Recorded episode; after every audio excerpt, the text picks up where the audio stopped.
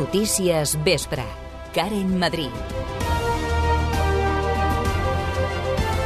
El 8 tema es viu al carrer. Des de fa mitja hora, 350 persones s'estan manifestant des de la plaça de la Creu de Barberà fins a l'Ajuntament. Helena Molís, bona tarda. Bona tarda. El comitè feminista és la impulsora d'aquesta mobilització, així com els piquets informatius d'aquest matí. D'altra banda, al migdia, el casal Pere IV ha acollit l'acte institucional d'aquesta jornada. Marta Morell és tinenta d'alcaldessa de Feminismes. Que no hem de perdre de vista un objectiu tan important que no és altre que viure lliures, viure sense por i sobretot poder viure en plena igualtat i en plena llibertat. I l'acte que hem fet a l'acte central eh, l'hem titulat llegint el, el 8 de març, m'agradaria recordar que l'acte ha estat organitzat per la taula de gènere i LGTBI, en aquest cas una altra, bueno, és un, una taula on hi ha diverses entitats de, de la ciutat i jo crec que és bonic que les entitats s'impliquin i l'Ajuntament el que també ens toca és donar suport Aprofitant la jornada, el sindicat Comissions Obreres ha donat a conèixer la situació laboral de les dones al Vallès Occidental. Tenen més contractes temporals i pateixen una bretxa salarial del 25%. La trobada entre el conseller de Salut Manel Balcells i l'alcaldessa de Sabadell, Marta Ferrés, s'ha tancat amb acord sobre el cap de Can Llong. L'equipament sanitari incorporarà dos metges, dues infermeres i dues persones del Departament d'Admissions més. Se sumaran a l'equip del CAP Can Rull, que hi treballa des de la seva inauguració. Aquestes incorporacions arriben després de les protestes, tant veïnals com del mateix Ajuntament pel fet de no dotar l'ambulatori d'una plantilla pròpia. En esports, l'exarlequinat Sergio Aguza serà baixa per sanció en l'enfrontament entre el Sabadell i el Real Murcia d'aquest diumenge. A la plantilla arlequinada, per la seva banda, Jaume Pinyol ha patit molèsties a l'espatlla en el dia de tornar dels entrenaments a Sant Oleguer. Aquestes i altres notícies les repassarem en la pròxima mitja hora amb el Toni González a les vies de so. Notícies Vespre. Tota la informació a Ràdio Sabadell.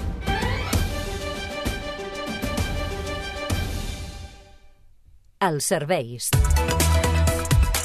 A aquesta hora, situació bastant tranquil·la a la xarxa viària catalana. Només trobem incidències al seu pas per Montcada. D'una banda, la C58, on hi ha dos quilòmetres de retencions en sentit sud, i de l'altra, la C33, on hi ha un quilòmetre i mig de cues en sentit també Barcelona. A la capital catalana, trànsit dens a la ronda litoral entre Montjuïc i el Fòrum en sentit Besòs i a la ronda de dalt entre Sarrià i el túnel de la Rovira en els dos sentits. El temps. Han pujat considerablement les temperatures en les últimes hores. Ara tenim 19 graus a Sabadell. Què hem d'esperar de cara a les pròximes hores? Li preguntem a Lluís Mi Pérez. Bona tarda. Bona tarda. Temps molt i molt suau. Avui hem arribat a fregar els 25 graus en algunes poblacions, per exemple, del Barcelonès Nord i també del Baix Empordà. Vent de Ponent, vent de Garbí, que encara xiula i que, de fet, ho continuarà fent al llarg d'aquestes immediates hores, sobretot a les muntanyes de la Serralada Transversal, al Montseny, també cap al Mollanès, l'Altiplà de la Sagarra, la Noia o les muntanyes de Tarragona. De moment amb vent, que és eixut, per tant, sense núvols apreciables, els que ja són prims i deixaran una posta de sol molt maca. Cel rogenc, pluja o vent. Doncs demà, pluja i vent. Sobretot vent, perquè una altra vegada el vent de ponent, vent de garbí, en general sec i càlid, tornaran a sovintejar a casa nostra, de fet seran els vents dominants, però demà amb alguns ruixats que ja al matí cauran a les comarques de Lleida, sobretot cap a la Noguera, cap al Pallars Jussà, a la cara sud del Pirineu en general. I demà al migdia, a primeres hores de la tarda, ruixats que arribaran fins a la costa, en forma de ruixats sorpressius, amb tempesta fins i tot, i amb ràfegues de vent destacables, però poca quantitat d'aigua. Ara bé, que no ens sorprenguin demà a la tarda, sobretot a l'àrea de Barcelona o també al Camp de Tarragona. Ho anirem seguint aquí a la xarxa. 350 persones, segons els càlculs policials, es manifesten ara amb motiu del 8M, el Dia Mundial de la Dona. La manifestació ha començat fa un quart d'hora aproximadament des de la plaça de la Creu de Barberà. Quina és la situació ara mateix? Júlia Ramon, bona tarda. Hola, bona tarda, Karen. Doncs ara mateix estem començant la carretera de Barcelona en direcció de l'Ajuntament. Com dius, unes 350 persones, segons els càlculs dels Mossos d'Esquadra, s'estan manifestant. Els càntics encara no han començat, però de moment hi ha moltes banderes, moltes samarretes, barrets, eh, bosses, lila. Ara estan començant els càntics de visca, visca, visca la lluita feminista i a la Creu de Barberà, on ha començat la manifestació fa uns 10 minuts, s'han llegit uns parlaments eh, reivindicant els drets de les dones, que se'ns acabi de, de, se'ns acabin les discriminacions, i una testimoni també ha exposat la seva experiència personal en, en un abús que va patir fa, fa uns dies. Tot plegat ha sigut doncs, un, la culminació final del 8M, que ha començat amb els piquets informatius i acabarà doncs, amb la manifestació d'aquesta tarda, que ha començat ara i, i anirà en direcció a l'Ajuntament. Gràcies, Júlia, per aquesta última hora. El casal Pere IV també s'ha tenyit de lila i s'ha convertit durant tot el dia d'avui en l'escenari de les dues sessions del Llegint el 8 tema. Es tracta de l'acte central de l'Ajuntament de Sabadell amb la lectura pública de textos escrits per dones, una cita que s'ha vist interrompuda durant una estona aquest migdia per la presència de piquets del Comitè Feminista de Sabadell que han desfilat per diversos punts de la ciutat fins a arribar a l'equipament situat a la Rambla 69 per reclamar la igualtat de drets. La cinquantena de manifestants han fet acte de presència al casal Pere IV a l'hora en què estava previst que l'alcaldessa Marta Ferrés i la tinenta d'alcaldessa de Feminismes Marta Morell fessin acte de presència per participar a les lectures públiques, cridant diverses proclames i reclamant el dret a la vaga.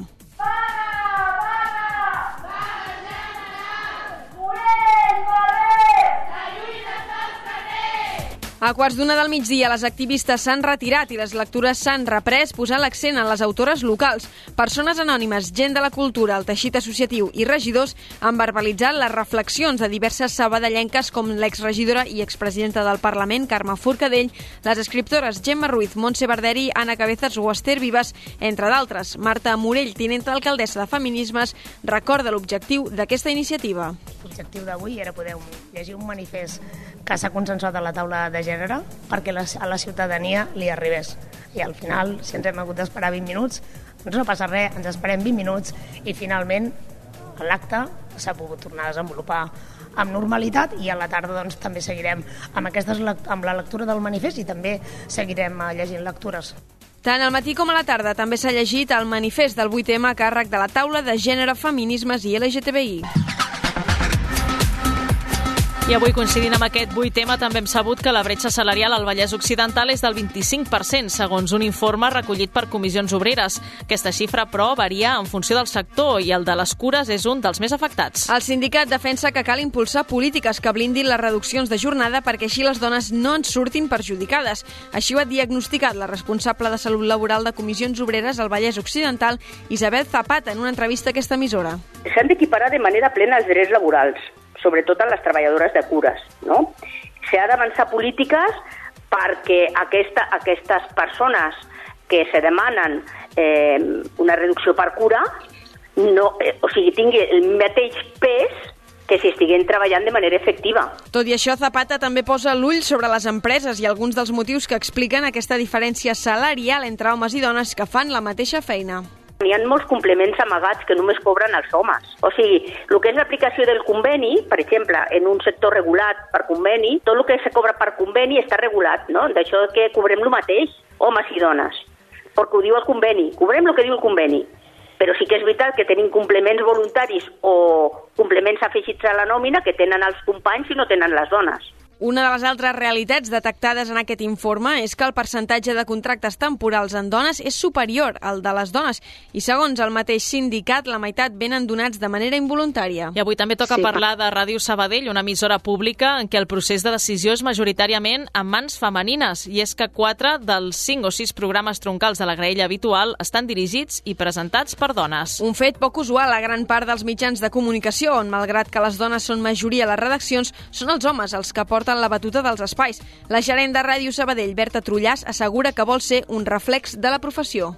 Ser part o estar connectada a la ciutat en la que viu, en la ciutat de la que parla, eh, poder fer-ho a través d'una visió femenina, eh, doncs crec que li dona eh, una òptica eh, de la realitat molt més d'acord amb els temps que vivim i, i, i si més no resolent potser antigues injustícies no? que el periodisme eh, ha tingut durant dècades, no? fent, eh, fent d'altaveu en el fons d'una societat que tenia una visió molt, molt des del punt de vista de l'home. No?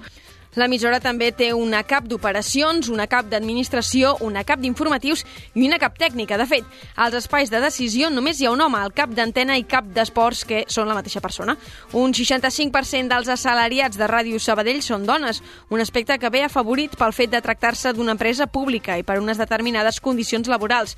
Ara el repte pendent és poder arribar a l'empresa privada. En política, Marta Ferrés és la primera alcaldessa de la ciutat. L'any 2019 va trencar un sostre de vidre molt difícil de travessar i a les portes de les següents eleccions ha avaluat el seu paper de líder al govern municipal en una entrevista a aquesta emissora. Assegura que ha hagut de treballar-s'ho més que els seus companys homes i que la conciliació entre el món laboral i personal no és gens fàcil. Arribar a un alt càrrec és més fàcil pels homes que per les dones, però Marta Ferrés va guanyar-se l'alcaldia de Sabadell ara fa 4 anys.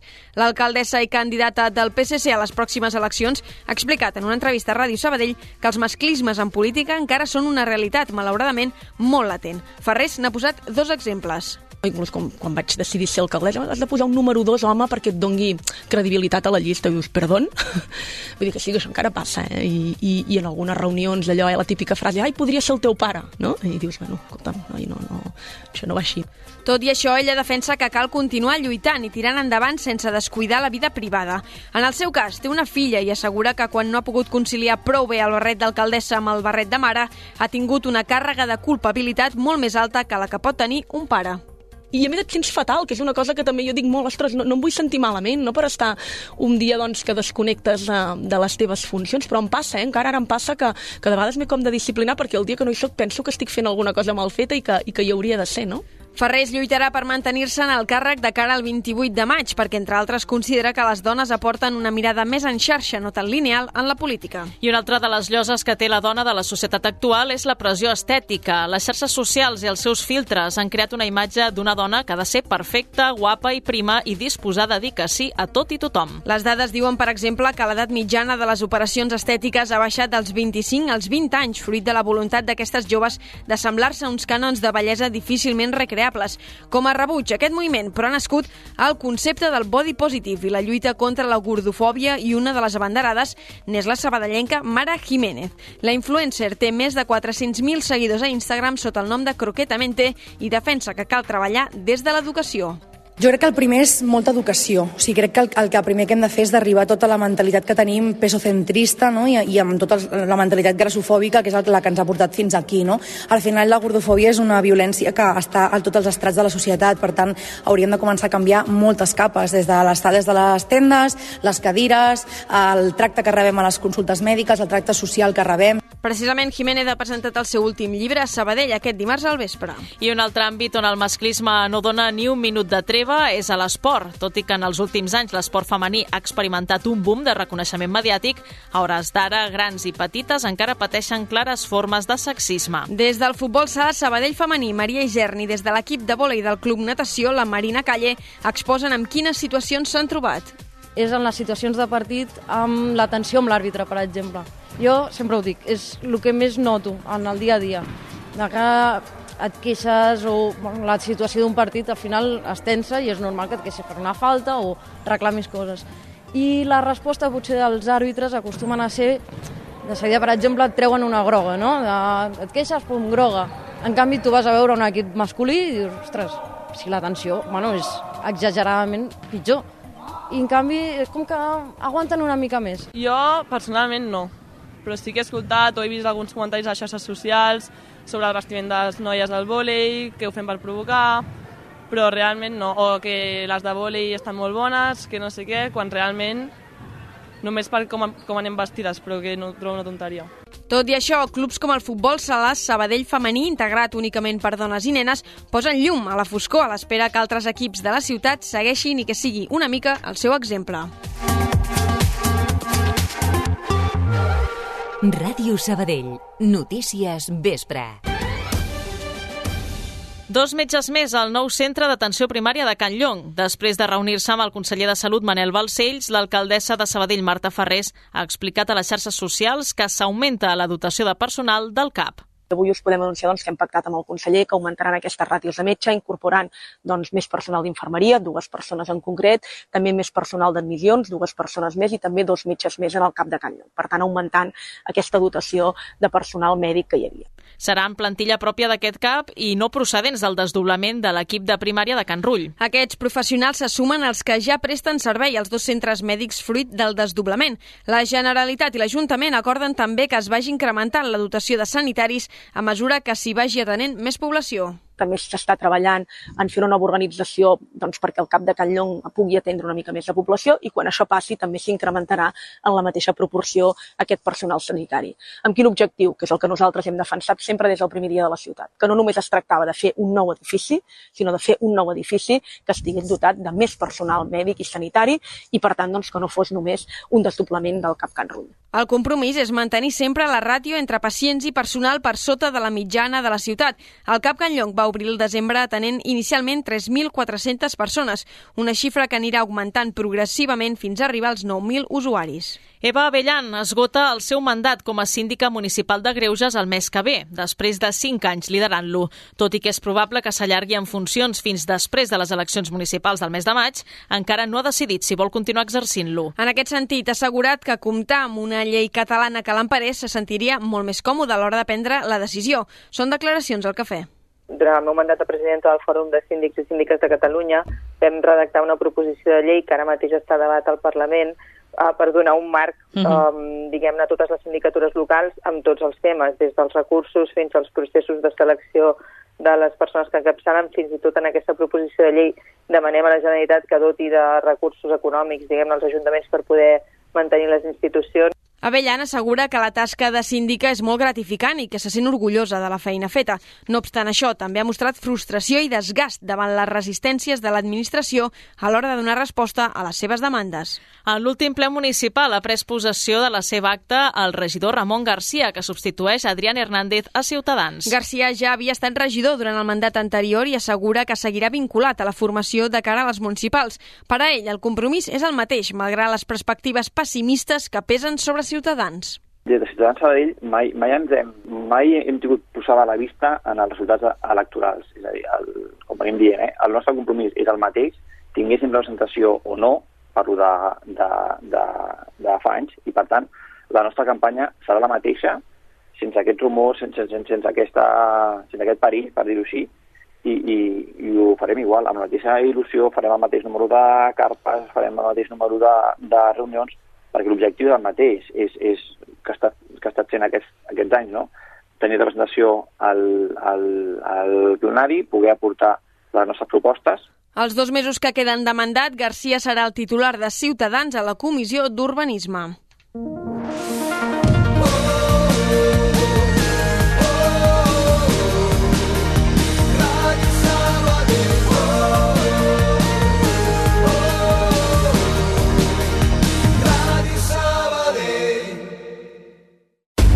Busquem el sabadellenc de l'any. Ens ajudes a trobar-lo? Laura Andrés, Maria Antònia Cavistany, Caral Castellet, Antonio Martos o Tomàs Pladevall. Entra a la pàgina web de Ràdio Sabadell i vota la persona més destacada de la ciutat d'aquest últim any, fins al 14 de març a les 12 de la nit. Segona edició del Premi Sabadellenc de l'any. Organitza i Sabadell amb la col·laboració de Ràdio Sabadell. Ens ajudes a trobar-lo?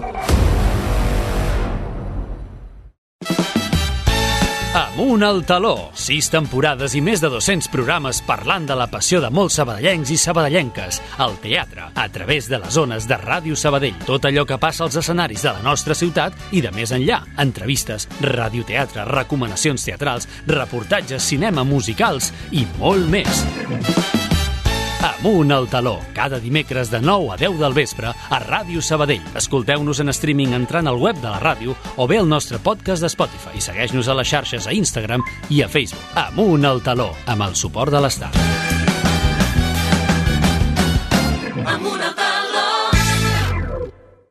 Ser a prop vol dir veure les coses més bé. Apropa't al que t'interessa amb la xarxa Més. La teva plataforma audiovisual de qualitat, proximitat i gratuïta. Gaudeix dels continguts de més de 30 televisions locals i podcast quan, com i on tu vulguis. Entra a la xarxa més.cat i descarrega't l'app. Ràdio Sabadell. Notícies vespre. Fora de Sabadell i la comarca. L'Audiència Nacional investiga l'empresari i exdirigent de Convergència Democràtica David Madí per la seva possible vinculació amb el cas de suposada corrupció d'ambulàncies Egara. En aquest mateix cas estan investigats set homes més. La causa neix del cas del 3% com a peça separada i investiga si la Generalitat hauria adjudicat contractes ambulàncies a Gara a canvi de comissions irregulars a Convergència. Brussel·les reprendrà el control de les finances públiques a partir del 2024. L'objectiu és assegurar la sostenibilitat del deute dels diferents estats i impulsar un creixement econòmic equilibrat.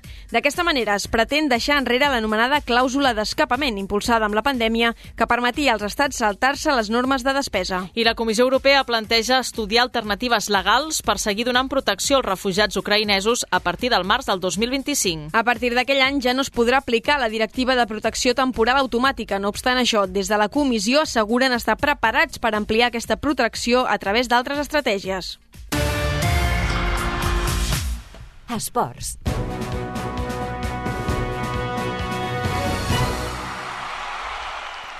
L'exarlequinat Sergio Aguzas perdrà el Sabadell Real Múrcia d'aquest diumenge a les 7. Pau Vituri, bona tarda. Bona tarda, Karen. En una entrevista a l'Hotel Suís, el migcampista de Viladecans ha reconegut que va forçar la cinquena groga des de la banqueta en l'últim partit a casa contra el Barça Atlètic. Sí, en un exercici de sinceritat, Aguza ha admès que ho va fer perquè encara es troba recuperant-se d'un problema físic.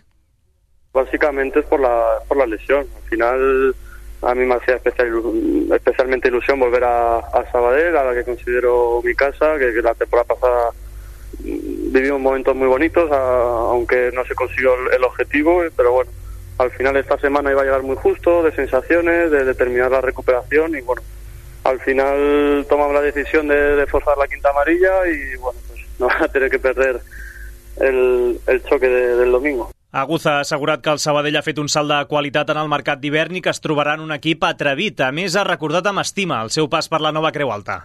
El objetivo no se cumplió, pero, pero fue una montaña rusa de, de sensaciones, ¿no? Sobre todo yo te puedo hablar a nivel individual, que venía de, de rescindir, de, de, de, segunda división, el saber me abrió las puertas y para mí podía haber parecido que, que era un paso atrás o, o bajar de, categoría y al contrario, volví a encontrar sensaciones, eh, fue un año para, para mí a nivel individual espectacular, me encontré cómodo, encontré un grupo, una familia que me abrió los brazos y, y solo tengo buenas palabras. Al centre d'esports ha estat dia de tornada als entrenaments a Sant Oleguer amb ensurt pel jove Jaume Pinyol, qui ha patit un contratemps a l'espatlla.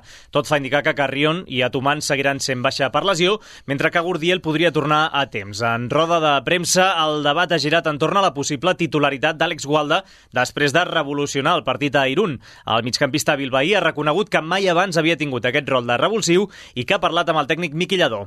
Hace poco tuve una conversación en la que me dijo que estaba trabajando bien, que, que me podía tocar y me podía llegar y, y que, que, eso, que siguiese como estaba hasta ahora, eh, siendo profesional, entrenando bien y, y, y en eso estoy. Amb dos gols i una assistència, Gualda ha participat en la meitat de les últimes sis dianes del Sabadell, però no surt de titular precisament des del duel de la primera volta al desembre contra el Real Murcia, en què va cometre una greu errada en la sortida de pilota que va propiciar l'1-0 dels murcians. Amb waterpolo, l'Estralpool Natació Sabadell s'ha posat al dia a la divisió d'honor femenina i ho ha fet guanyant el derbi que tenia pendent a la piscina del Terrassa. Les de David Palma van encadenar un parcial final de 0 a 6 per acabar imposant-se per un clar 7 a 15. Combinada Combinada amb la del dissabte passat a casa contra el Sant Andreu, són dues victòries que refermen el club al lideratge de la Lliga després de la Copa de la Reina assolida en el mateix escenari d'ahir i de la classificació per la Final Four de la Champions. Palma fa un balanç positiu d'aquests dos últims enfrontaments. Super satisfet perquè al final estem molt focalitzats amb la preparació de la Final Four, això no, no ho podem evitar perquè queda poc temps. He treballat poquet el partit d'avui i era un tema físic i, i, i de la tàctica bàsica que ja portem treballant tot l'any i, i content. Abans d'aquesta cita europea, l'Astralpool femení ha d'afrontar més compromisos de Lliga, com per exemple el tràmit d'aquest dissabte a Terres Canàries contra el Tenerife Cheide. Repassem més informacions en format més breu. Encara en waterpolo, en marxa la Copa del Món masculina, la competició que substitueix l'antiga Lliga Mundial. La selecció espanyola s'ha estrenat en victòria contra Grècia per 8 a 11 gràcies a un parcial de 2 a 6 a la segona meitat. A la convocatòria del tècnic David Martín hi havia tres representants de l'Astralpool Natació Sabadell, Sergi Cabanes, autor de dos gols, Bernat Sanauja amunt i el porter Edu Lorrio. Demà s'enfronten a l'anfitriona del grup, Montenegro, a dos quarts de sis, amb dues cares conegudes, els seus companys d'equip Costa Berca i Dusan Banisevic. Recordem que els tres primers de cada grup es classifiquen per la fase final a l'estiu a Califòrnia. I a aquesta hora també juga una altra selecció estatal, la dels hispanos d'handbol a l'Eurocup de l'EA Kefa. Fa aproximadament un eh, 10 minuts ha arrencat el duel de la tercera jornada a Linkoping entre Suècia i Espanya amb la presència de l'equip de Jordi Rivera de dos extrems sabadellencs, Aleix Gómez, que torna després de perdre's el Mundial per lesió, i el jove Dani Fernández. No hi és, en canvi, el central Ian Tarrafeta ja recuperat de la fissura a la costella que el va obligar a ser baixa a la cita mundialista. Ara mateix el marcador és de 3 a 3, insistint després dels primers 10 minuts. Diumenge tots dos equips es tornen a veure les cares a Jaén. I en ciclisme, David de la Cruz ha estat 27è en el primer final en pujada de la París-Niça. El ciclista sabadellenc de l'Estana ha entrat a la línia d'arribada de l'Alois de Gag de poc més de dos minuts del guanyador, l'esloveta Dei Pogacar, i ara és 26è a la general. Demà, cinquena etapa de 213 quilòmetres, propícia pels homes ràpids en final a Saint-Paul-Trois-Châteaux. En vòlei, el Club Natació Sabadell masculí s'ha salvat a Superliga 2 per segon any consecutiu. Els de Roberto Pozzato aconsegueixen així l'objectiu de la temporada a falta de 3 jornades per al final. Els nedadors necessitaven únicament un punt contra el Zaragoza, el penúltim classificat, i el van assolir guanyant els dos primers sets. Tot i això, van perdre el tercer per 30 a 28 i els aragonesos van completar la remuntada al tiebreak. Amb els deures ja fets, eh, dissabte a dos quarts de cinc reben els Roquetes. El central, Enric Boada, ha estat escollit com un dels millors bloquejadors de la jornada. Ara el que toca és passar-ho bé, això està clar. Eh, Se'ns ha complicat potser una mica aquesta segona volta, no hem sigut capaços de jugar tan bé com la primera i ara potser acabar amunt per no quedar-nos amb aquesta sensació que hem anat de més a menys, no? intentar que, fer aquests partits bé i d'aquesta manera encarar la temporada següent amb totes les energies. Per la seva part, el femení va perdre 3 a 1 a la pista del líder de Primera Nacional, l'Hospitalet, i s'ha ficat en problemes. Les de Xavi Perales es troben 3 punts per sobre del descens a falta de només 3 jornades i el següent rival és l'antepenúltim, el Bunyola mallorquí. El tècnic explica com preveu aquesta final. Tenemos quizás el handicap que jugamos en casa de ellos en este en este caso, pero pero bueno, con el estudio de, de, de cómo están jugando y, y bueno, que qué posibilidades tenemos en cuanto a nuestro juego, creo que bueno, espero un partido bastante, bastante reñido y peleado. Tots dos equips van intercanviar l'ordre de joc a la primera volta i el duel de la segona es juga a Terres Mallorquines dissabte a dos quarts de cinc. El Sabadell Rugby Club s'ha acomiadat del play-off d'ascens a la divisió d'honor catalana masculina després de caure a vuitens de final al camp del Quebrantahuesos per 43 a 17. El partit a Osca va estar marcat per les baixes, ja que els sabadellencs no disposaven de jugadors suficients. Guillem Llorenç, bona tarda. Hola, bona tarda. El tècnic Leandro Guzmán només tenia disponibles 13 jugadors dels 15 necessaris per confeccionar l'equip l'equip. Tot i la inferioritat numèrica, els arraquinats van ser capaços de competir i així ho reconeix el mateix entrenador. Los ánimos son buenos teniendo en cuenta los problemas que hemos tenido principalmente en el número de jugadores que fuimos 13. A pesar de eso jugamos muy bien. Los jugadores terminaron el partido estando conformes con su actuación per la seva banda, les tintoreres han d'assegurar aquest cap de setmana la primera plaça per tenir el factor camp de cara a les semifinals del playoff a primera catalana. Per això, hauran de guanyar l'últim partit de Lliga a casa en el derbi contra les Carboneres de Terrassa. Núria Rama, jugadora de les tintoreres, demostra l'ambició de l'equip. La rivalitat Sabadell-Terrassa sempre hi és i per part de Sabadell, les companyes de Sabadell, no ens relaxarem pas. I tampoc ens volem relaxar perquè volem assegurar la primera posició. No volem cedir cap partit. El derbi tindrà lloc dissabte a les 6 de la tarda a la Roureda. I a la Copa Catalunya masculina de bàsquet, el Club Natació Sabadell ha patit la seva primera derrota del 2023. Després de sis victòries consecutives, els de Jonathan Ramírez van caure a casa per 74-88 contra el segon classificat del grup, el nou bàsquet Olesa. Els nedadors van començar el tercer quart guanyant de 8, però a partir d'una desqualificant a un contrari es van desconnectar del duel i van rebre un parcial de 0-17 en contra. Malgrat l'ensopegada, Ramírez recorda que l'objectiu d'enguany és la permanència i que va ben encaminat. A nosotros lo que nos importa realmente son los cinco partidos de diferencia a falta de ocho jornadas con Vilaturrada, que es el que marca el play-out, y seguimos en esas 13. Si cuando llegue el final de liga nos podemos plantear otra cosa, eh, genial. El club ha perdut una posició amb l'Espanyol i ara és quart amb 12 victòries i 6 derrotes. El pròxim compromís és dissabte a 3 quarts de 6 a la pista de la Salle Manresa, que es troba a mitja taula però que a la primera volta es va imposar per un contundent 71-89.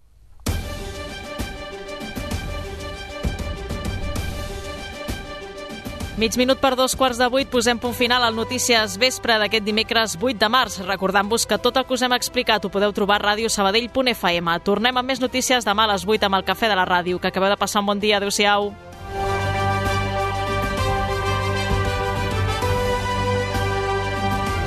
Allà on siguis, escolta'ns online. En directe.radiosabadell.fm